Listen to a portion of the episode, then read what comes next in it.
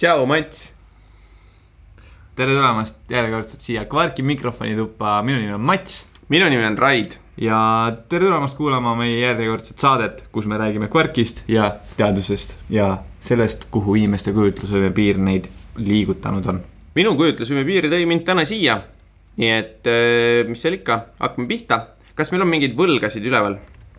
ma, mul on sihuke tunne, et ei ole, ainuke on see, et meil on suur-suur kahju kõigi meie kuulajate ees, kes meid regulaarselt kuulama on hakanud, et see episood jõuab teieni hiljem, kui te seniste väljalastete põhjal ootasite. kuigi võib-olla on tegu geomeetrilise jadaga, üks, üks, kaks ja juba on neli päeva mööda läinud sellest ajast, millal me mõtlesime. mina ei saanud sellest äh, viitest nii hästi aru, sellest üks, üks, kaks mul juba natukene hakkas Fibonacci sellest tulema. aga ma näen ka, et sa võisid mõelda geomeetrilise jada peale. selge, ehk siis on, me oleme peitnud sõnumi eh, sellesse, mis päevadel meie podcast'id välja tulevad.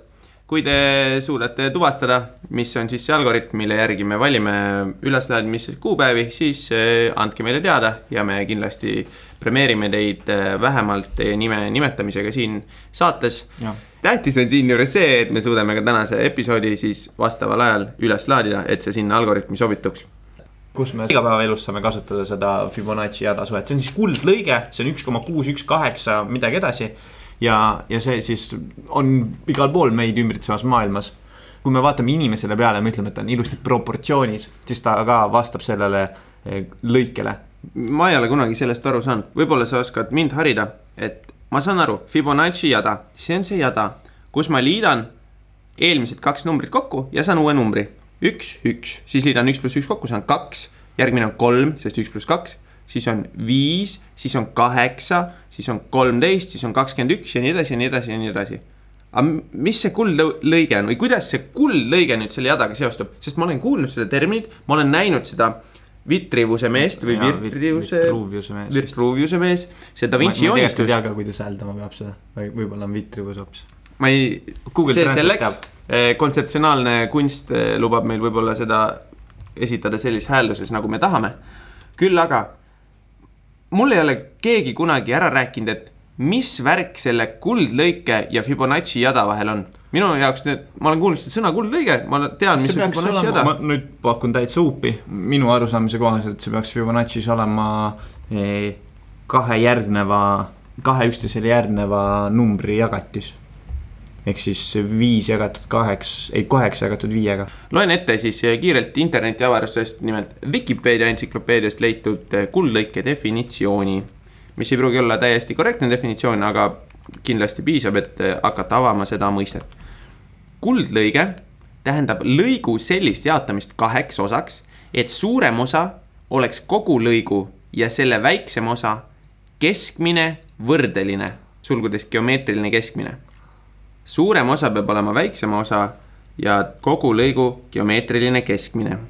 no sisuliselt see tähendab siis seda, et eh, lõigu A suhe B-sse on sama nagu A pluss B suhe A-sse.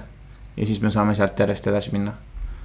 ja mi, mi, minu mingisuguse arusaama kohaselt Fibonacci jadas on need numbrite järjekord sa, sama selle, sama teguri võrra kogu aeg kasvavad.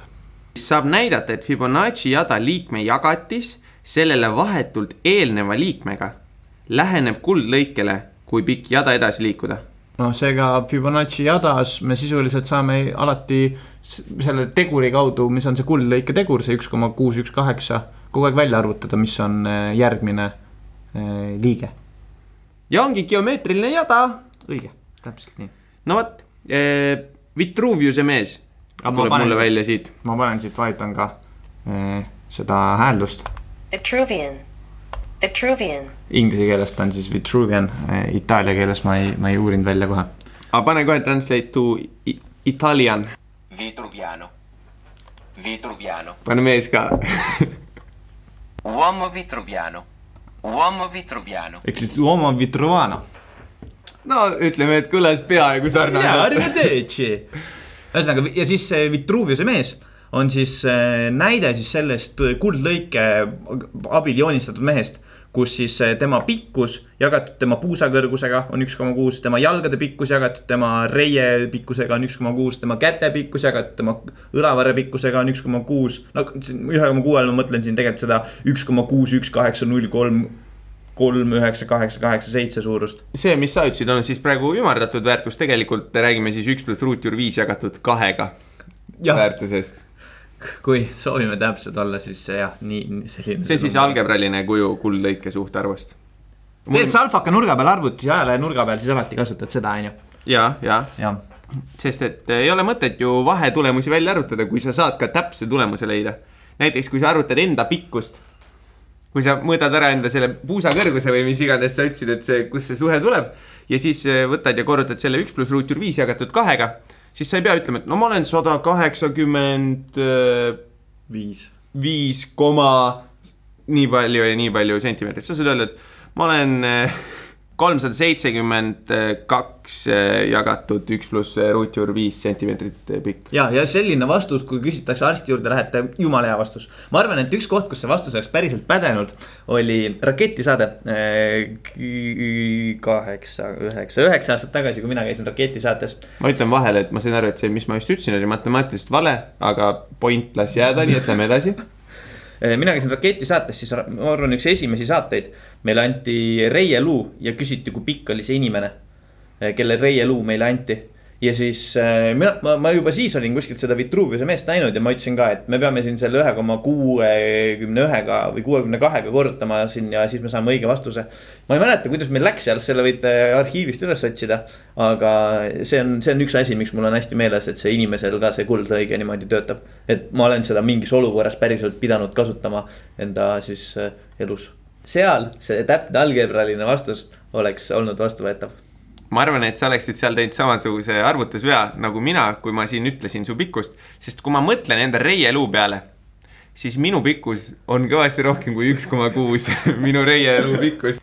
lugedes kirjandust, siis mulle tundub, et äh, võib-olla lihtsalt ma ei ole piisavalt proportsionaalne mees selleks, et äh, olla, anda välja tõelise Vitruviuse mehe proportsioone tead, ma jõudsin ka siin äh, Google'i kaudu sellise lehekülje peal nagu goldennumber.net kus siis on äh, artikkel Perfect golden ratio body proportions for men ehk siis ideaalsed kuldlõike keha proportsioonid meestele. siin on siis öeldud seda, et ideaalse mehe keha puhul peaks siis õlgadest ümbermõõt ja talje ümbermõõt, nende vaheline suhe peaks siis olema kuldlõige. meeste siis ülikonnad tavaliselt äh, on äh, disainitud äh, rinna ümbermõõdu järgi, mis tähendab, et kui sealt leida seda suhet, siis see suhe tuleb tavaliselt väiksem. ehk siis reieluust meil läks nüüd natuke sassi. me ei tea veel, kuidas siis peaks reieluust saama inimese pikkuse. no Google'i esimene vastus ütleb, et just korruta neljaga. ja ma hakkan mõtlema, et huvitav, kas ma seal raketisaates panin siis täiesti mööda või? no ma räägin, kui sa oleksid võtnud reieluu ja korrutanud selle ühe koma kuue, kas sa oleks saanud, et see inimene on seitsekümmend sentimeetrit pikk?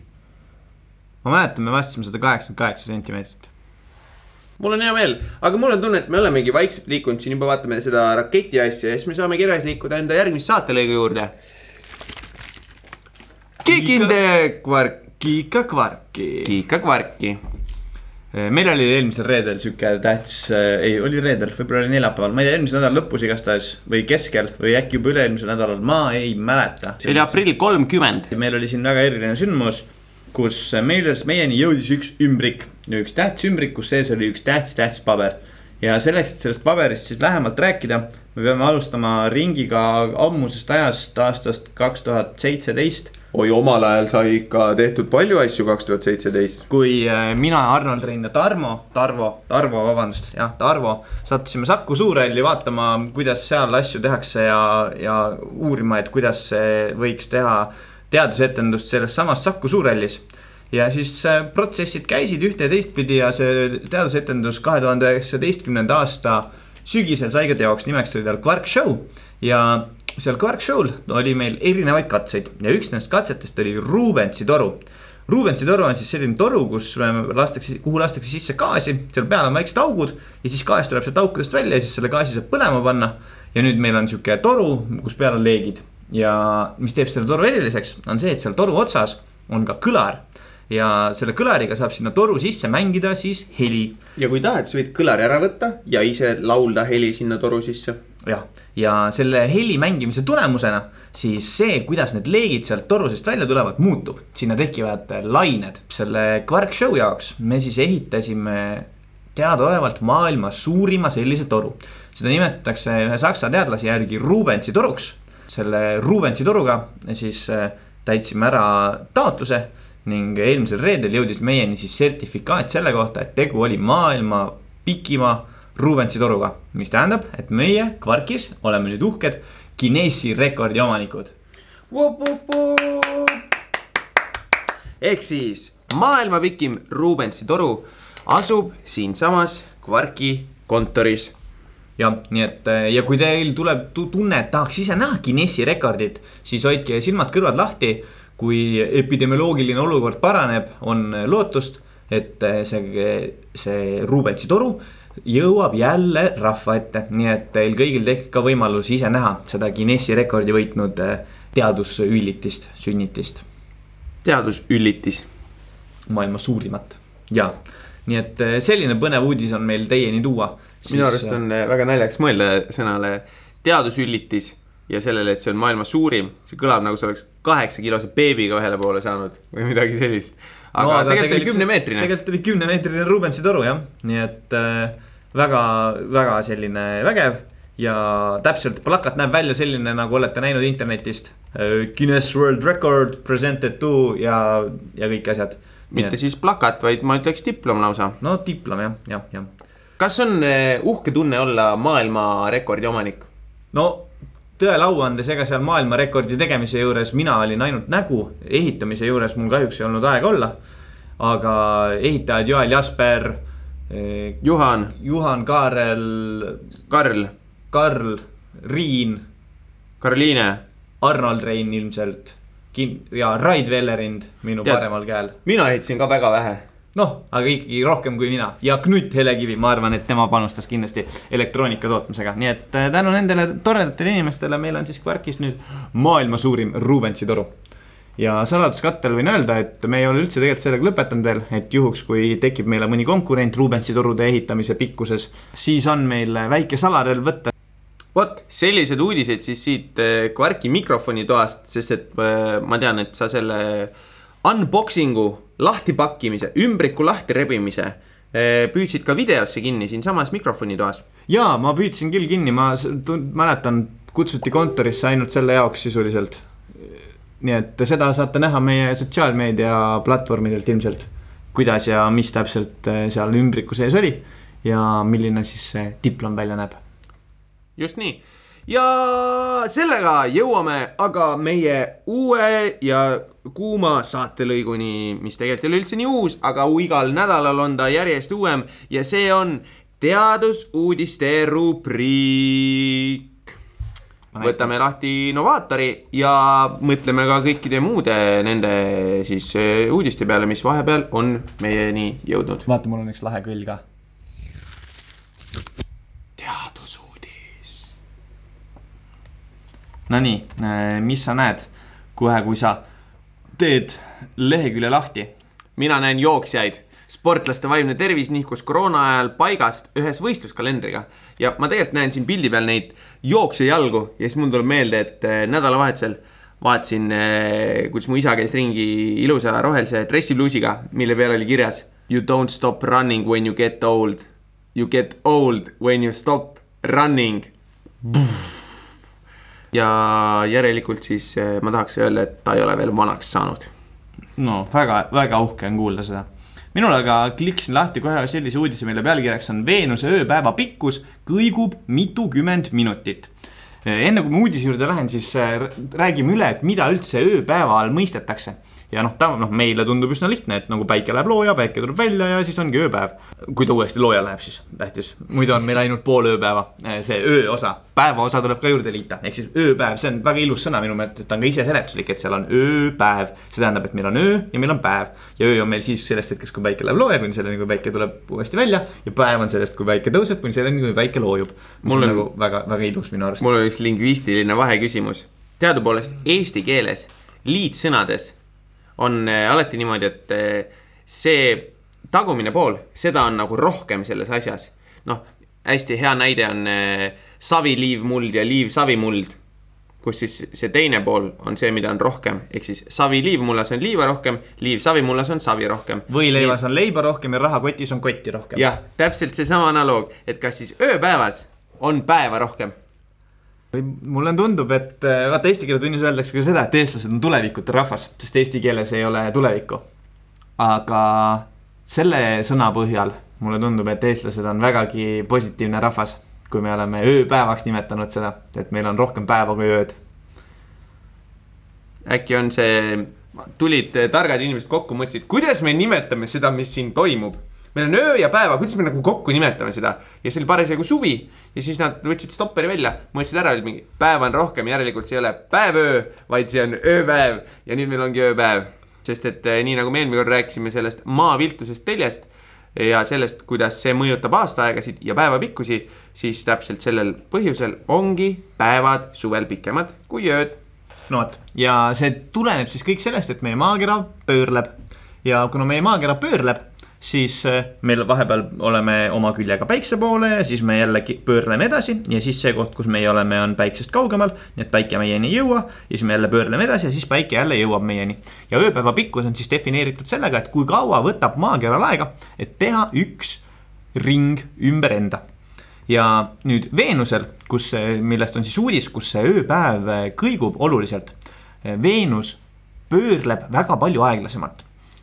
Veenuse ööpäeva pikkuseks loetakse umbes kakssada nelikümmend kolm maa ööpäeva, mis tähendab, et maa jõuab teha kaks kolmandikku tiiru ümber päikese selle ajaga, kui Veenusel läheb, võtab aega, et teha ainult ümber iseenda see ring. samal ajal Veenus ka tiirleb ümber päikese, aga enda ümber ringi tegemine võtab Veenusel aega kakssada nelikümmend kolm maa ööpäeva ja nüüd selle siis mõõtmisperioodi jooksul, kui nad mõõtsid, viisteist aastat mõõtsid, kuid kuna need ööpäevad on nii pikad, siis nad said mõõta ainult paarikümmet Veenuse ööpäeva ja selle jooksul nad avastasid, et see ööpäeva pikkus võib varieeruda kuni kahekümne ühe minuti võrra, mis siis noh, tundub päris palju, kui me mõtleme maa peale. Aga kui võtta nüüd proportsionaalselt, see kakskümmend üks minutit ööpäeva pikkuse kõikumist siis eh, Veenusel oleks sama, kui pöörlemis, pöörlemiskiirust arvestades siis oleks sama, kui maa ööpäeva pikkus varieeruks viie sekundi võrra. me siin eh, paar, mõned episoodid tagasi rääkisime sellest lisasekundist ja kui palju segadust see võib tekitada ja kuidas see on ainult nagu aasta peale, siis eh, võite ise mõelda, et kui meie iga päeva pikkus varieeruks kuni viis sekundit, siis kuivõrd, kui keeruline selline aja siis mõõtmine ja määramine üle maakera selliste globaalsete süsteemide puhul oleks. nii et eh, sellised asjad siis Veenuselt ja Veenuse ööpäevast. mis sa arvad, kas Veenusel linde on? ma olen üsna veendunud, et Veenusel ei ole lindusid, ma siin ka selles artiklis äh, anti siis äh, märku sellest, et kuidas äh, Veenus on äh, selline püsiva, püsipaksu pilvekatte varjus kogu aeg ja seal sees on siis sihuke atmosfäär, mis on ka hästi vaenulik igasugustele elulistele tegevustele, seal on hästi kuum, kuna ta on päikesele lähedal ja, ja samas seal ei ole ka siis eluks vajalikke äh, keemilisi ühendeid vajalikul määral. aga see selleks, ma ei taha üldse rääkida Veenusest, vaid äh, mina tahaksin rääkida lindudest. nimelt tegin lahti siukse uudise nagu Sahina kõlar võiks hoiatada rändlinde tuuliku eest. Siin on siis tehtud selline katse, et kuidas äh, saaks teha niimoodi, et vähem linde lendaks vastu tuulikuid. sest et äh, tuulikulabad käivad niimoodi ringi ratast ja siis, kui äh, rändlinnud lendavad, siis nad hoiavad pead niimoodi alla suunatuna, et nad ei vaata ette, kuhu nad lendavad, sest siis on keha voolujoonelisem ja ta saab lihtsamini lennata. ja juhtubki hästi tihti siis selle tulemusena seda, et linnud ei pane tähele, et nad lendavad vastu mingit objekti, kui see ei nõua tähelepanu neid. Ja Oota, seda, kas see tähendab siis seda, et sellepärast nad lendavad nii kergesti ju ka vastu aknaklaase? et aken ei nõua neilt tähelepanu. jah. no Või- ma arvan, et see olukord, kus see lind lendab vastu akent ja see olukord, kus lind on pikal rändelennul ja ta teele jääb ette mõni tuulikulaba, on natukene erinevad. aa, et see on nagu veidikene nagu, nagu linnas tänaval sõitmine versus nagu maanteel autopiloodiga veeremine. jah, et mm -hmm. kui sa maanteel autopiloodiga paneksid pea alla niimoodi ja ei vaataks tee peale, siis sa oleksid nagu lind.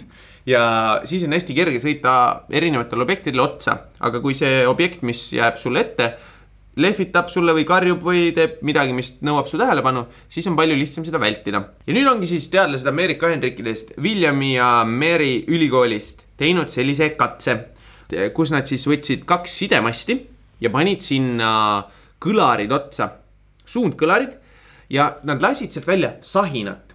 sahinat ehk siis valget müra, mis on eh, siis müra, millel ei ole mingit eh, korduvat mustrit tema sees, vaid ta ongi lihtsalt täiesti juhuslikud eh, võnked mingis kindlas sagem, sagedusvahemikus. kui, kui keegi mäletab veel analoogtelevisiooni, siis see sahin, mis te telekasse tuli lihtsalt niisama, niisugune lumesadu oli nagu ekraani peal, see oli ka, see on ka valge müra. jah, ja see müra, mida nad siis sealt sidemastide pealt mängisid, seda nad katsetasid kahes eri sagedusvahemikus, neljast kuue kilohertsini ja kuuest kaheksa kilohertsini ja avastasid siis, et mõlema testitud sagedusvahemiku ajal tiirles siis eh, nende sidemastide ümber oluliselt vähem linde ühel korral siis kaksteist protsenti ja teisel korral kuusteist protsenti vähem linde, mis siis eh, tähendab seda, et linnud aeglustasid lendu, kui nad kuulsid seda heli ja tõstsid oma pea üles, vaatasid, oo, siin on mast ja siis eh, tüürisid ennast mastist kõrvale ja lendasid ilusti mööda. Ehk siis eh, võib olla siin tõesti lootust, et eh, selline valge müra sahin aitab linde päästa sellisest eh, kokkupõrkeohust erinevate tuulegeneraatorite või suurte sidemastidega. mulle natukene meenutab see sellist elektriauto probleemi sa ütled elektriauto, sa, kas sa mõtled elektriautot või sa mõtled nagu isejuhtivat autot? ma mõtlen elektriauto probleemi, sest et tavaauto teeb müra, teeb kohutavalt palju müra. aga elektriauto on vaikne, mis tähendab seda, et kui sa juhuslikult ei näe autot tulemas, siis äh, järgmine meel, millega me hästi palju infot saame maailmast, on kuulmismeel. ja tavaautot me kuuleme, aga elektriauto võib olla vahel nii, nii vaikne, et sa lihtsalt ei kuule teda ja siis on palju suurem oht sattuda liiklusõnnetusse ja sellepärast on ka tähtis või ka ohtlik äh, kõrvaklappidega äh, tänaval käia. Sest ka siis sa ei kuule ja oled eraldatud sellest maailmast ja võid kergesti eksida. jah, nii et eh, kui lindude puhul me paneme kõlari külge eh, mastile ja osade elektriautode puhul ma tean, et on olnud eh, vahel aktuaalne teema, et paneme talle kõlari, mis teeb justkui sisepõlemismootoriga auto häält, et jalakäija teda kuuleks. kui muidu me saame anda inimesele märku, et oht on lähedal või suur auto on lähedal, et ta teaks sellest mööda minna, siis kui inimene ise blokeerib ühe enda meele ära, ehk siis katab kõrvad, lisab sinna segavat eh, heli, siis kahjuks ei olegi tihti võimalik anda piisavalt varajast eelhoiatust, et oht on lähedal. nii et kindlasti, kui te liikluses liiklete, siis eh, vaadake ette, et kõrvaklappidega ennast ohtu ei seaks no vot, aga mitte ainult linnud ei lenda. Koperdatasin sellise uudise otsa, nahkhiir arvestab helikiirust sünnipäraselt. nimelt eh, nahkhiired siis, kui nemad lendavad, siis nad navigeerivad kaja lokatsiooniga. See tähendab seda siis, et eh, nad teevad mingi piuksu või mingisuguse hääle, põrksu, piuksu, kuidas me seda soovime nimetada. ja siis see hääl läheb neist eemale ja teeb ta seda siis helikiirusel.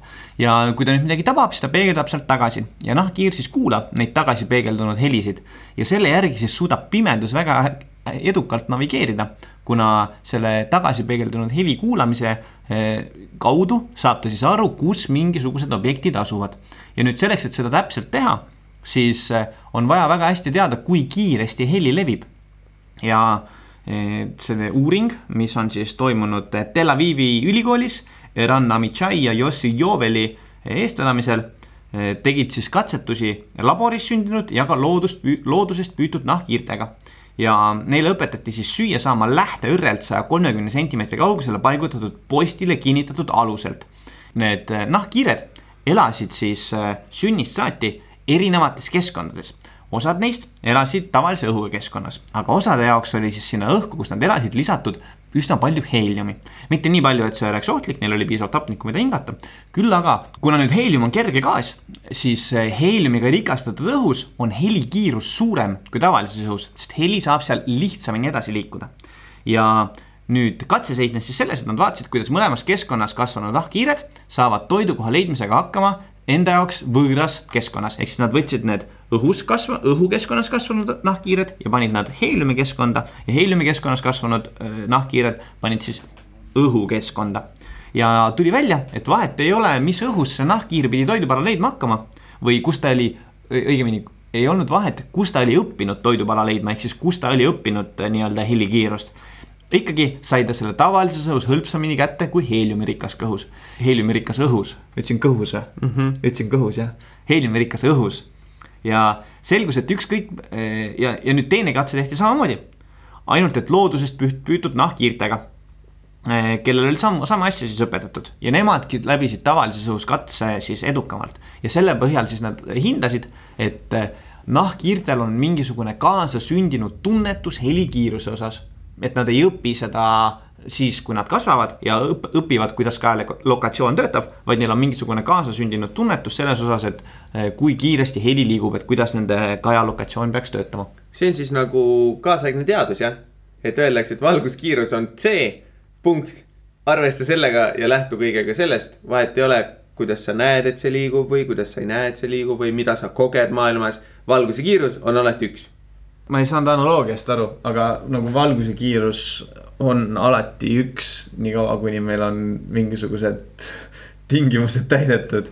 niikaua kuni me, me saame, me saame nagu, oh, see on nii põnev.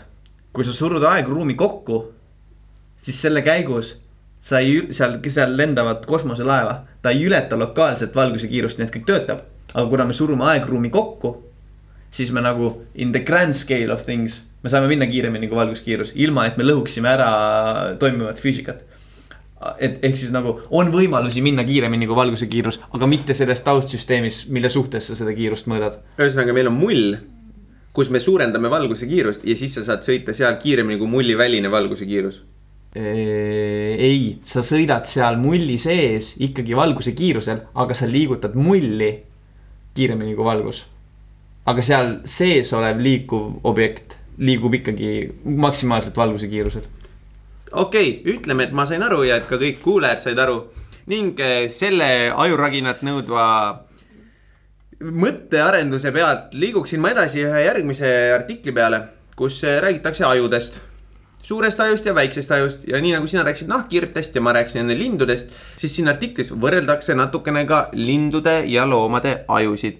selle artikli pealkiri on Suur aju ajab pikalt haigutama mis on eh, väga selline intrigeeriv märk, et eh, ma arvan, et kui inimesed, kes lihtsalt äh, loevad seda artikli pealkirja, siis järgmine kord nad haigutavad, siis oot-oot-oot, ma venitan veel pikemalt, siis ma tundun targem. minul, see on väga kindlasti väga hea uudis, minu isa ka rääkis seda mulle nädalavahetusel, kui ma käisin kodus, siis tema oli raadiost kuulnud mingist Vikerraadio saatest seda, et eh, tõesti on nii, et ja, ja seal on, ma tunnen ka tähtis osa kinnita, et ma õigesti sain aru, aga et kui varasemalt me seostasime haigutamist vajadusega, vajadusega siis, et ajul on hapnikupuudus, siis eh, selle uuringu valguses see on nagu nii-öelda eksiarvamus jaa, ja me haigutame hoopis seetõttu, et seetõttu, et me jahutame oma aju. nii nagu äh, kõiksugu tehnoloogia ja tehnikaseadmed meil kipuvad vahel üle kuumenema, kui me palju tööd nendega teeme ja siis nad vajavad jahutust, siis kui te teinekord hästi-hästi palju mõtlete, siis äh, ka teie aju läheb äh, soojemaks ja seal temperatuur tõuseb ning nüüd ongi siis täheldatud, et äh, kui sa haigutad, siis selle tulemusena aju temperatuur järsult langeb ja teadlased siis äh, Massen ja Gallup, kes on siis äh, Hollandist Utrechti ülikoolist ja Ameerika Ühendriikidest New Yorgi osariigi ülikoolist, püstitasid siis hüpoteesi, et mida pikemalt sa haigutad, seda suurem aju sul on. ma juba näen, kuidas Mats mul kõrval haigutab. Ole hea niimoodi jah. kas nägin tark välja, tähendab suure peaga, suure ajuga. ja nii, nii nagu Buratinol või Pinocchiol nina kasvab, siis kui haigutad, siis aju kasvab. aga ma saan aru, et see aju suurus tegelikult, et see ei ole nagu, et nüüd noh, et niisugune millimeetrite küsimus, et kas kelle, kellel suurem aju on, see haigutab rohkem, vaid see on pigem ikkagi, et nagu me võrdleme väikseid linnukesi ja suuri inimesi, siis eh, seal on nagu selgelt aru saada, et suurem aju tähendab pikemaid haigutusi, sest et aju, mida on jahutada vaja, on rohkem. suures plaanis võib nii öelda küll. nimelt need teadlased siis eh, kogusid andmeid viiekümne viielt imetajaliigilt ja neljakümne kuuelt linnuliigilt ja siis ühtekokku eh, talletasid selle raames rohkem kui tuhat kakssada haigutust, mille nad siis panid kirja ilusti, kui pikalt kestis, mis liigil oli ja nende vaatluste jaoks nad siis käisid loomaaedades, võtsid videokaamera kaasa, seisid kõrval, ootasid, kuni loomad haigutavad, said videopurki Eh, Läksid koju töötlema, siis otsisid veel juurde lisaks Youtube'ist ja Facebookist loomavideoid, kus loomad haigutasid, võtsid ka need andmed sisse ja selle põhjal saidki siis järeldusi teha. ma tunnen, et siin oleks väga hea uurimus, et kui palju need uurijad selle protsessi, nende andmete töötlemise käigus haigutasid. et kui, kui nakkav see haigutamine siis ikkagi on ja kas on võimalik, et sulle tekib nakk-, seda haigutamise nakkavuse vastu immuunsus jah, see oleks tõesti eh, huvitav, äkki tuleb haigutusvaktsiin varsti välja. kuigi, ah, me jõuame selleni, see oleks halb, sest siis aju kuumeneb üle õige. igatahes nende haigutusandmete põhjal nad siis järeldasid, et tõepoolest liigile iseloomulik haigutuspikkus on positiivses korrelatsioonis aju suuruse ja närvirakkude arvuga ajus. kui me aga võtame nüüd eh, linnu ja imetaja, kellel on umbes sama suured ajud, siis eh, sellises võrdluses tuleb välja, et imetajad haigutavad pikemalt ja see on eh, suure tõenäosusega tingitud sellest, et eh, lindude kehatemperatuur on imetajate omast kõrgem. mis tähendab seda, et linnud, kes haigutavad, siis see õhutemperatuur on jahedam siis võrreldes nende kehatemperatuuriga kui imetajate kehatemperatuuri suhtes ning seetõttu see jahutab siis nende aju rohkem seega sama suure aju põhjal nad ei pea nii palju või nii pikalt haigutama. ja mulle meeldib see mõte, millega see artikkel siin lõpeb. et võib-olla ei peakski me haigutust pidama ebaviisakuse väljenduseks. pigem näitab see ju seda, et kaasinimene soovib meie suhtes tähelepanelik olla. ehk siis, kui keegi haigutab, siis ta pidevalt jahutab oma aju, et see saaks efektiivsemalt töötada mistõttu ta tegelikult ka üritab kaasa mõelda ja ta ei, ei igavle. ehk siis, kui te näete, et eh, keegi teil eh, kas loengus, tunnis, koosolekul, lihtsalt söögilauas haigutab hästi palju, siis eh, olge tänulikud, ta päriselt ka proovib kaasa tulla selle vestlusega. küll aga, kui neid haigutusi saab väga palju, siis võite arvata, et olete nende ajud pannud tööle eh, ülekoormusel. Kas sa tead, miks lindudel ei ole kunagi palavikku? ei, ma ei, ma ei, ma ei, ei oska üldse arvata. sa rääkisid seal ka lindude kehatemperatuurist ja ma pean tunnistama, et mu jaoks tegelikult natuke tuli isegi kohe nagu üllatusena, et lindudel on kõrgem kehatemperatuur kui, kui, kui inimestel või noh, teistel imetajatel siis. või noh, mida tähendab, lindudel on kõrgem kehatemperatuur kui imetajatel. jah, ehk siis eh, ka inimestel. igatahes, kui inimeste keskmine kehatemperatuur on seal kolmekümne kuue, kolmekümne seitsme kraadi ringis, siis lindude keskmine kehatemperatuur on seal neljakümne kraadi kandis. mis tähendab, et seal on sihuke tubli ligikaudu kolm kraadi temperatuuri erinevust. kuid miks ei saa lindudel olla palavikku, tuleneb sellest, et kui neljakümnest kraadist veel väga palju ülespoole minna, siis veri, mis on nii imetajate kehas kui ka lindude kehas, läheb lihtsalt eh, tükki. ja ei saa enam kehas ringelda, mis tähendab seda, et kui peaks juhtuma, et linnu keha soojeneb rohkem kui mõne kraadi võrra, ehk siis juhul, kui tal tekiks palavik, siis selle tulemusena läheb ta veri ka suures osas tahkeks ja siis ei saa tema keha enam normaalselt talitada, mis tähendab seda, et kui neil saaks olla palavik, siis nad sureksid selle tulemusena kohe ära. Ja siis ei saagi linnudel olla palavikku. nii et kõik, kes mõtlesid teha uue startup'i ja palavikualandajaid lindudele hakata müüma, siis kahjuks teil turgu väga palju ei ole no Rait, kas sa oled veel mõne põneva uudise leidnud? mitu no. sõpra sul on no sina ja siis. ja sina ise, juba on kaks. Facebooki andmetel eh, ma ütleks, et sul võib olla isegi üle tuhande sõbra või mis sa sellest arvad? jah, seal kindlasti. kas eh, loed neid kõiki enda sõpradeks? ilmselt äh, Facebookis loen, kui ma tänava peal näen, ütlen ilmselt enamikule tere ka. ehk siis tunned ära kõik. selline oht on jah.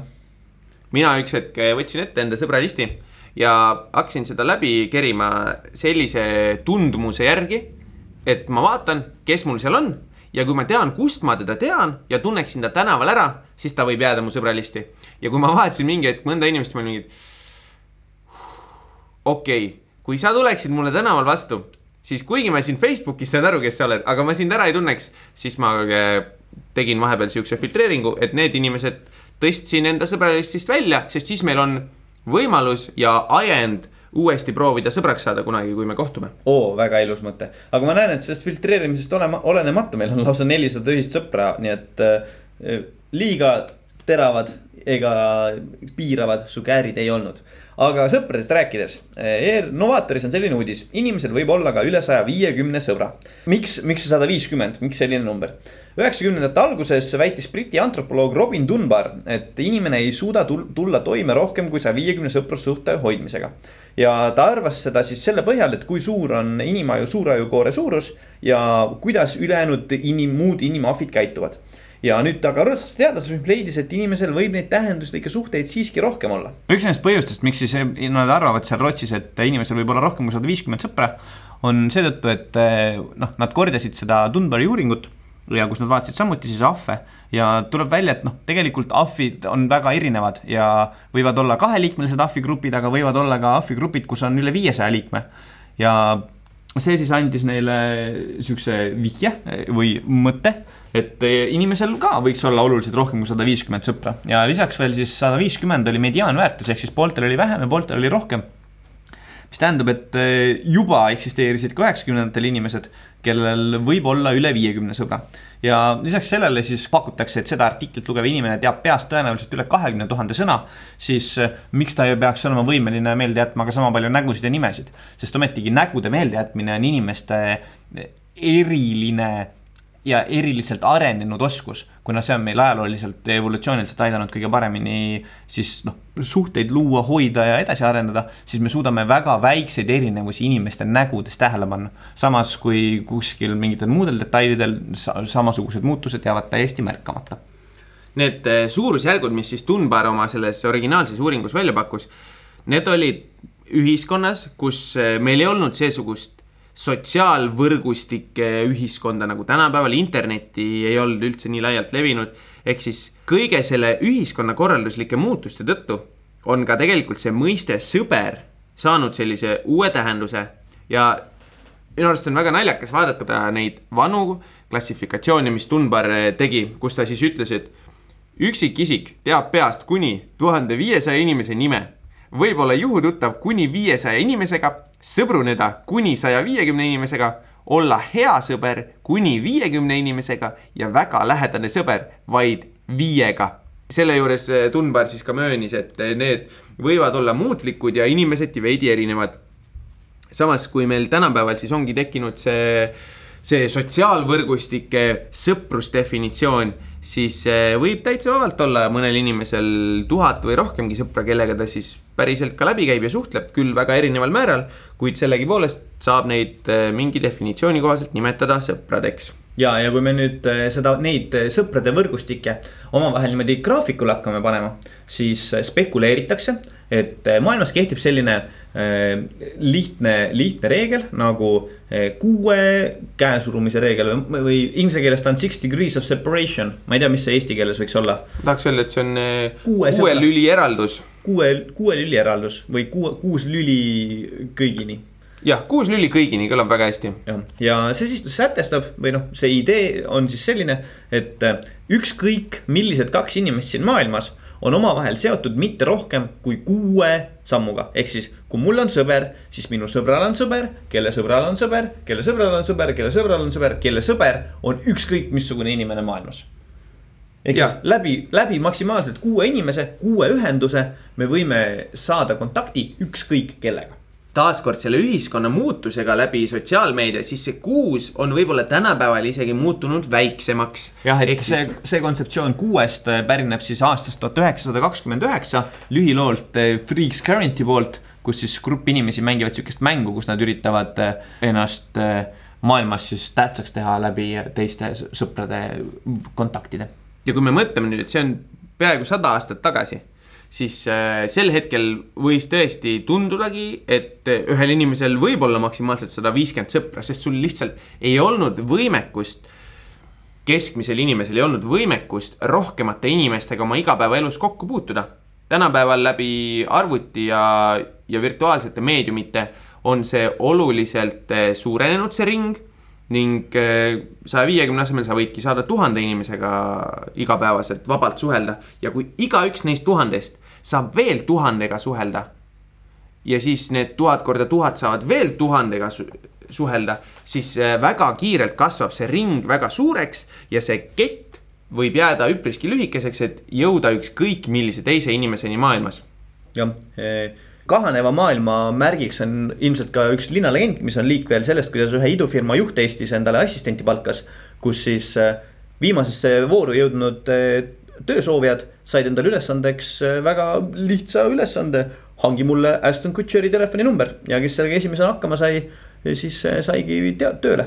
Nende käest peaks küsima, kas läks kuus ühendust või vähem kiire otsingu tulemusena leidsin siis artikli, mis räägibki sellest maailma kahanemisest. no see esialgne assotsiatsioon selle, selle kuue lüliga on siin ligikaudu sadakond aastat vana. viiekümnendatel, kuuekümnendatel tehti siis eh, The Small World Experiment Ameerika Ühendriikides, kus siis leiti, et eh, ükskõik milline inimene saab ühenduse teise Ameerika Ühendriikides elava inimesega keskmiselt viie koma viie ühenduslüli tulemusena. mida aeg edasi, seda rohkem siis eh, selliseid uuringuid aeg-ajalt tehti. kahekümne esimesel sajandil on ühiskond jõudnud siis sellisesse olukorda, kus on väga palju veebilahendusi omavahel suhestumiseks ning kahe tuhande üheteistkümnendal aastal tegi siis Facebook eh, ka enda uuringu kus ta siis kasutas seitsmesaja kahekümne ühe miljoni Facebooki kasutaja andmeid ja nende vahel olevat siis kuutekümmend üheksat miljardit sõprussuhet ning eh, leidis, et keskmine lüli pikkus ühest inimesest teiseni on neli koma seitsekümmend neli. aastal kaks tuhat kuusteist Facebook eh, andis siis teada, et see kaugus, mis nad leidsid, et varasemalt oli neli koma seitsekümmend neli, on nüüd kahanenud kolme koma viiekümne seitsmeni see käib siis Facebooki ühe koma kuue miljardi kasutaja kohta, kes eh, on, moodustas siis selle artikli kirjutamise ajal umbes kakskümmend kaks protsenti kogu maailma elanikkonnast. ja siin on välja toodud veel selline asjaolu, et kui nüüd jätkub edasi see trend, et eh, lineaarselt väheneb see lülide arv kahekümne viie protsendi võrra iga kord, kui Facebooki kasutajate hulk peaks suurenema saja kahekümne kaheksa protsendi võrra, mis on siis need arvud, mis nende viimase kahe uuringu vahel oli, siis selleks hetkeks, kui seitse koma neli miljardit ehk siis eh, kogu maailma populatsioon hakkab kasutama Facebooki, siis eh, võib juhtuda, et see lülide pikkus kõikide inimeste vahel jääb keskmiselt ühe ja kahe ühenduse vahele huvitav, kas äh, antud uuring arvestas ka seda, et Facebookis on viie tuhande inimesega sõbralisti limiit? Ma ei tea, ja kas see tuleb üldse mängu, ma ei tea, aga kes ei teadnud, siis te, kui teil olete tavaline kasutaja Facebookis, siis teil tohib olla kuni viis tuhat sõpra. kurb, väga kurb, Mats, sa ei saagi eh, omada rohkem kui viite tuhandet sõpra. küll aga tulles tagasi siis selle artikli pealkirja juurde, on mul siis lohutus kõigile, kellel on peaaegu viis tuhat sõpra, et inimesel tõepoolest võib olla ka üle saja viiekümne sõbra. no vot, sellised eh, noodid siit, mul on tunne, et me jõuame loo juurde jah. eelmine kord me lubasime välja, et me räägime oma käsipagasi teadusteatri reisist Islandile. nii et äh, eks see peab siis see olema e,. Äkki sa alustad või? ma, ma mäletan, mul on nagu see vaimustatud osa sellest, kuidas me seal esinesime nendele teistele teadusteatri tegijatele. no see, kuna me olime selle kasti versiooni juba ära teinud, siis tundus ainult loogiline, et see kast on ju piisavalt väike, et ta mahub käsipagasisse. kuna aga seal pidid ära mahtuma ka puhtad sokid, aluspesu ja mõni T-särk ja dressipluus. ja ujumispüksid, väga tähtis, kui lähete Islandile, võtke kaasa ujumispüksid, ärge tehke nagu mina. ja jope. ehk siis tegelikult seda ruumi ei olnud seal käsipagasi üldse liiga palju, sest Islandil on palju jahedam kui meil. me käisime seal kevadisel ajal. ehk siis ei olnud tegelikult nagu liiga külm, aga ei olnud veel ka selline lühikeste pükste soe ilm. mis tähendab seda, et äh, pidi ikkagi kaasa pakkima võimalikult vähe asju me tegime sellest äh, isegi selle pildi, nii nagu vahel tehakse, kui sa pakid oma kohvri lahti, kus on laud või põrand on täis neid asju külg külje kõrval. ja täitsa palju asju mahtus sinna kohvrisse. osad äh, katsevahendid olid sellised, et me võtsime kaasa vahendid nende ehitamiseks koha peal. ehk siis meil ei olnud kõiki enda etenduseks vajalikke katsevahendeid kohe kaasas olemas vaid meil oli kuumaliimipüstol, mida kusjuures ei võetud ära esimene kord, kui me lennuki peale läksime. see kuumaliimipüstol, mis on püstolit meenutav ese, mis on eh, kirjas lennujaama reeglites, mida ei tohi kaasa võtta. selle suutsime siis eh, esimese korraga ikkagi seal ma kahtlustan, et sa pakkisid selle esimesel korral paremini. nagu püsti. või nagu, sest et nagu lennujaama läbivalgustaja ju valgustab ainult Z-sihis või noh, ülevalt alla, vaata. Ja ma kahtlustan, et sa pakkisid selle püsti ja siis see kuju ei paistnud otse välja nagu ja kuna ta materjal on plastik, siis see nagu ei häirinud kedagi. võib-olla tõesti, ma ei tea, kas ta valgustab ainult Z-sihis, sest et noh, loogiline on see, et ta ei saa selles sihis valgustada, kust sisse läheb ja kust välja tuleb, aga mõlemad teised teljed saab justkui valgustada, sest et kui me tagasi tulime, siis me panime sinu kohvrisse ka käärid. me mõtlesime, et ega me ise nüüd prügikasti ei viska, kui ära võetakse, siis okei okay.. Aga kuna meil olime ostnud omale käärid, sest meil oli neid vaja siis eh, nad olid kotis ja me mõtlesime, me proovime, siis me paigutasime nad küll niimoodi, et eh, Nad olid selles sihis, et ei paistaks Jah. äh, välja ja. et pealtvaates oleks pikk kriips, külje pealt vaadates oleks väike kriips ja ainult otsevaadet oleks nagu kääride kuju. aga seal oli nii osav kontrolör, kui võib seda sõna kasutada, et ta lihtsalt võttis, tõmbas koti kõrvale, ütles, et vabandust, teil on siin sees käärid. selle kriipsu järgi ütles, teil on siin käärid, palun võtke välja.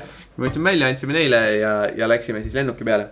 aga tulles selle etenduse juurde tagasi siis meil olid, oli siis käputäis katsevahendeid. ma võtsin kohe siia selle pildi kõrvale, siis ma oskan öelda, et eh, mis need katsevahendid võisid olla. asjad, mis läksid eh, kohvrisse, liimipüstol, kaks liimipulka, kakskümmend purgikaant plastikust. ei, ma arvan, et need ei ole plastikust, ma arvan, need on auguga, kuhu me panime võrgud, siis ma ei tea kah. rullvõrku, üks pooleks lõigatud Pallimere pall, hunnik rahakumme, mingi USB kaabel, üks raamat, üks peegel. Üks ajamasin. üks ajamasin, mõned õhupallid, kaks tulemasinat, mõned patareid, mõned LED-id, üks laser, üks väike teip, kolm eh, põlevat pritsi ja mõned eh, tulepallid. ehk siis tegelikult oli eh, tagasihoidlik, tagasihoidlikud asjad. Mats nüüd tõi veel välja siin, et meil oli kohvris ka ajamasin. see on see, mille peale siis meie etendus tegelikult seal lõpuks eh, baseeruski Eh, ajamasin ehk inglise keeles time machine ehk islandi keeles, kas mäletad, kuidas oli? Dima Vjelh, kuidas sa mäletad seda? Dima Vjelh. oli jah? ja Dima veel, oli jah? Nii et äh, Dima veel.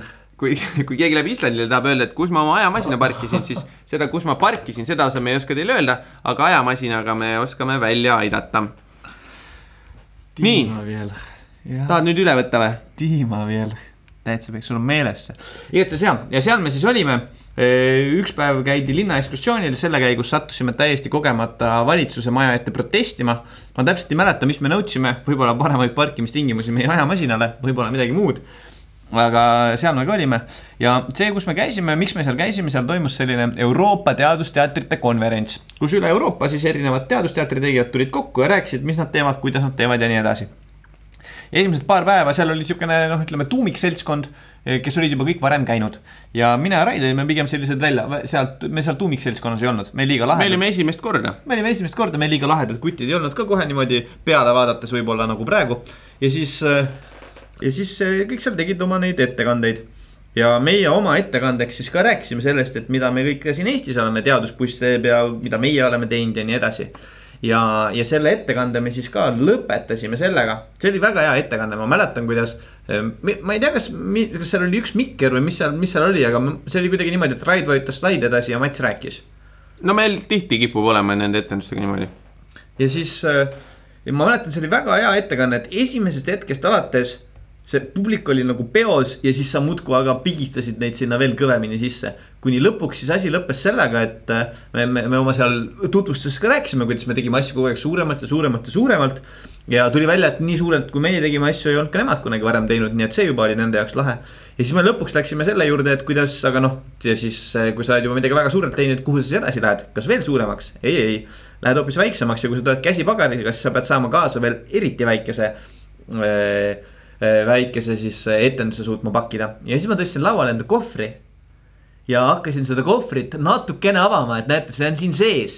ja sa nägid kõigi, kogu nende teiste teadlaste nägude, nägudes oli tõsine uudishimu niimoodi, nad olid juba laua peal niimoodi kallutasid ettepoole. ja siis ma hakkasin seda kohvrit avama ja, ja kõik juba tahtsid püsti tõusta ja siis seal kohvri sees, sinna meil oli kleebitud üks LED nii et see kohvri seest tuli välja siis, kui sa avasid, tuli niimoodi valgust välja natukene, oleks võinud tossu ka panna, oleks veel eriti tõus olnud.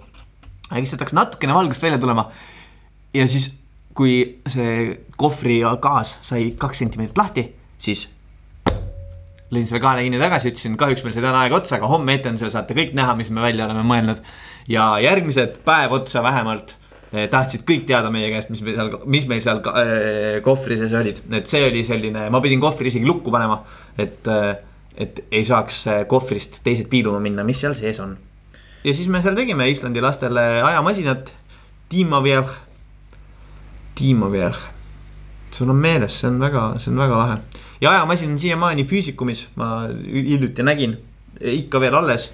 nii et eh, kui tahate minna proovida, kuidas aeg seisma panna?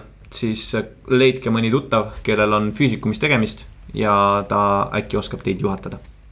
Ja sellel Islandil käigule siis eh, lisaks sellele teadustsentrile saab seal igasugu muid huvitavaid teadmisi ka, sa näed, kuidas töötavad keisrid, kuidas saab ühelt, ühest maailmajaost minna kahe sammuga teise ja sa saad teada, kui kaua töötab su seedesüsteem. jah, siinkohal siis äh, tervitame. siinkohal siis tervitame Islandi kohalikku rahvustoitu, milleks on äh, hai, hailiha ja kuna hail ei ole põit, siis ta ei suuda enda jääkaineid enda verest eraldada ning need jäävad kõik talle niimoodi liha sisse. Ja seetõttu hailiha on äärmiselt vinske ning toorest peast või lihtsalt küpsetatuna väga võimatu süüa. ja sellepärast siis islandlased võtavad selle haikala, matavad selle kaheks kuuks maha, et ta seal maa sees niimoodi mõnusalt mädanema läheks ja bakterid selle liha pehmemaks teeksid. Ja siis kahe kuu pärast kaevavad ülesse ja siis on ta väga hea süüa eks saate ise otsustada, kuidas teile maitseained meeldivad, küll aga meie seedetraktid sealt midagi liiga palju vist kätte ei saanud, sest sama, sama lõhn, mis läks sisse, tuli pärast ka välja.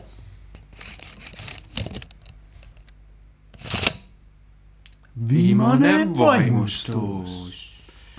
no nii, Raid, ma kuulsin, et sul on olnud sel nädalal vaimustus.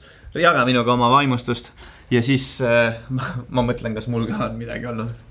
Eelmine nädal ma rääkisin eh, 3D printimisest ja sellest, kuidas sa saad printida struktuure, mis painduvad.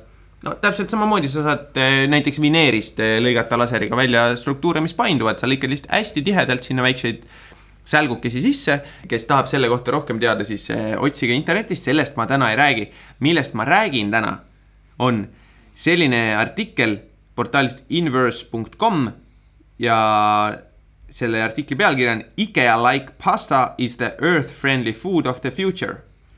mis siis on, tekitab väga palju küsimusi pealkirjast eh, kohe, ma arvan. ja, ja et siis- ehk siis nagu IKEA laadne, IKEA laadsed makaronid on maasõbralik tulevikutoit. ja, ja mis ta siis, mis on üldse seos IKEA-ga, on see, et äh, IKEA teeb mööblit. mööblit, mis tuleb sulle siukses lapikus pakis, mis ei võta üldse alguses nii palju ruumi, kui ta lõpuks kokku panduna võtab. Ja seda, seda lähenemist on siis proovitud nüüd siin ka pastaga teha. ehk siis, kui muidu pasta, mis on siis näiteks fusilli või fusiili, kuidas sa ütled? ma ütlen fussiili. mina olen võib-olla ka mõelnud penne või, või, või, või, või spagett või tagliatelle või mis. jah, kõik need erinevad itaaliakeelsed eh, pastasordid, selle fusiili versus fusilli argumentatsiooniga ma olen lugenud, et seal tegelikult ei ole kahte i-d, vaid seal on kaks l-i.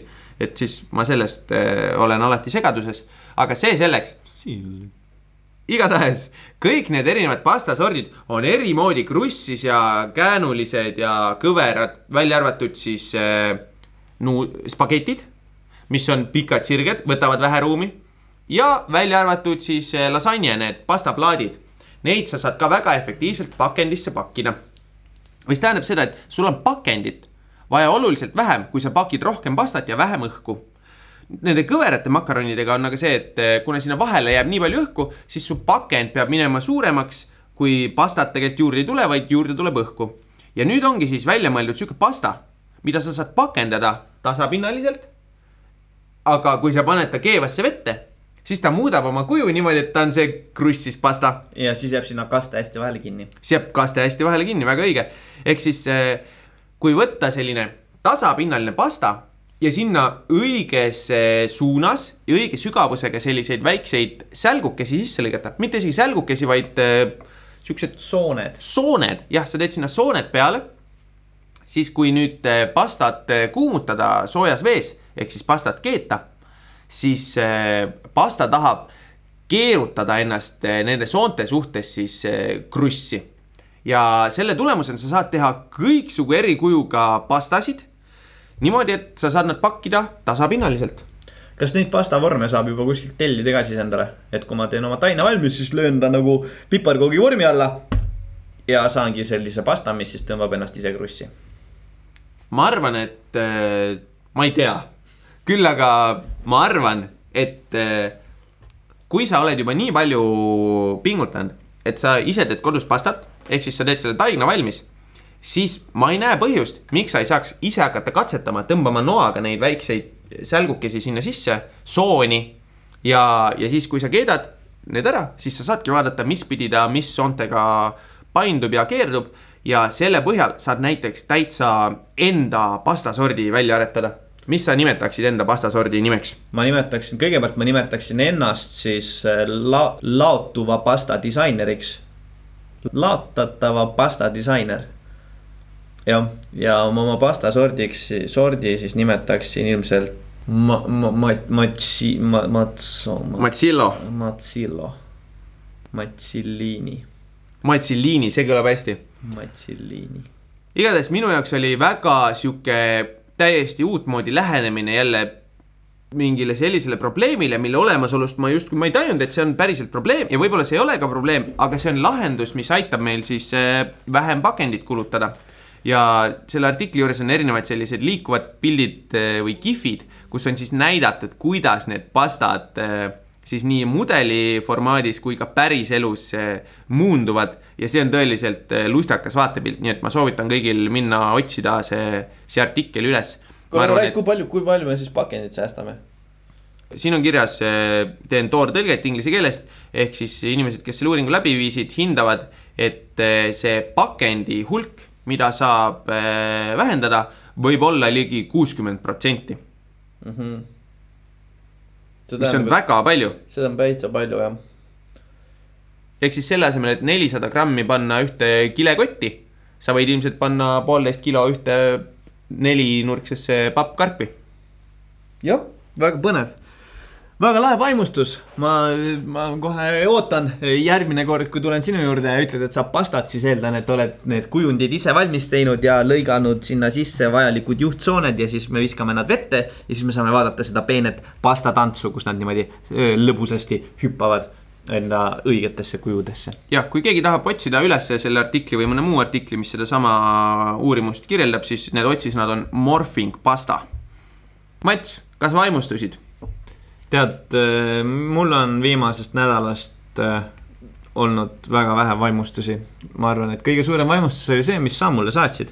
saatsid mulle ükspäev artikli selle kohta, kuidas äh, täp-, mida täpsem on kell, seda rohkem ta toodab entroopiat. ja minu arust see oli päris põnev.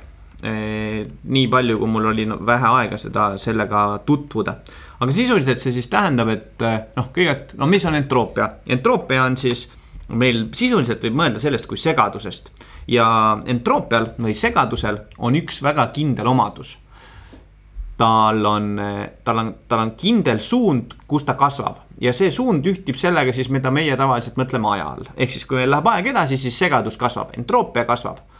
ja nüüd, kui me mõõdame aega, siis kuna aeg läheb edasi, siis peab ka entroopia kasvama ja nüüd, mida täpsemalt me aega mõõdame, seda rohkem entroopia kasvab ja seda seetõttu, et kui me mõõdame aega ebatäpselt, siis eh, seal võib olla ka selliseid eh, fluktuatsioone, kõrvalekaldeid, kus meil vahepeal Kõikumisi. aeg, kõikumisi, kus aeg liigub teisele poole ja selle tõttu siis me ei mõõda aega enam nii täpselt ja me saame sellest aru selle järgi, et entroopia ei kasvanud nii palju, kui oleks maksimaalselt olnud võimalik. nii et äh, mida rohkem me entroopiat tekitame, seda suurema tõenäosusega mõõdame me seda täpsemini aega. ja sisuliselt see tähendab siis teie kellade jaoks seda, mida vähem ressurssi kell kasutab, seda tõenäolisem on, et ta jääb maha, sest seda vähem on tal võimet to- toota entroopiat mida rohkem ressurssi kell kasutab, seda rohkem ta saab tekitada segadust, sest tal on rohkem ressurssi segaduse tekitamiseks ja seda täpsemini ta käib, sest et tal on väiksem võimalus äh, käia tagurpidi ja siis mitte ent- entroopiat tekitada. kas entroopia tähendab seda, et kui sassis su tuba on? ja, ja, ja, ja sa võid mõelda sellest niimoodi, et eh, kui me tahame hinnata aega täpselt, siis mida rohkem su tuba on sassis, mida rohkem su tuba on sassis, seda rohkem sa oled oma toas olnud. mida vähem su tuba on sassis, seda vähem sa oled oma toas olnud. ja seetõttu me ei tea, mis, kuidas see aeg seal möödunud on, aga mida rohkem sa oled oma toas, siis kui me pärast seda tuba vaatame, siis me teame, et sa oled seal väga palju olnud, sest et see on väga sassis kui sa oled seal väga vähe olnud, siis see on vähem sassis ja me teame, et sa oled seal vähem olnud. nii et seetõttu me saame segaduse järgi hinnata seda, kui palju aega on mööda läinud, kuna see, kui palju segadust tekib, on ajast sõltuv, sest et ajas segadus alati kasvab. ja see on väga tähtis termodünaamika reegel, et segadus alati kasvab.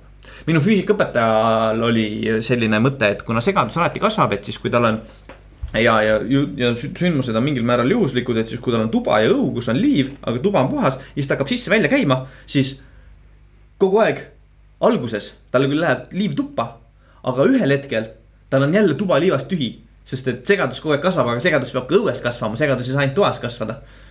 aga noh, kahjuks hakkab segadus kasvama nii toas kui õues, nii et äh, see sisse-välja käimine kahjuks lõpuks uuesti tuba korda ei tee minul seostus praegu nende mõttekäikudega kaks asja. selle viimasega seostus see, et kui sa keha kuumutad, siis kõik tema mõõtmed kasvavad.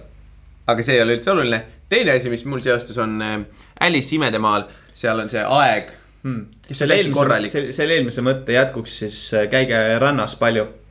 saate suureks ja tugevaks. keha kõik mõõtmed kasvavad. see oli no, nali, igaks see juhuks. oli, see oli igaks juhuks nali. kas sul said kõik mõtted otsa tänaseks? ja mul said kõik tänaseks mõtted otsa, nii et äh, egas midagi, tuleb püsida uudishimulik ja küsida, miks. ja, ja otsida mõtteid uueks nädalaks, nii et püsige uudishimulikud ja küsige Matsilt, miks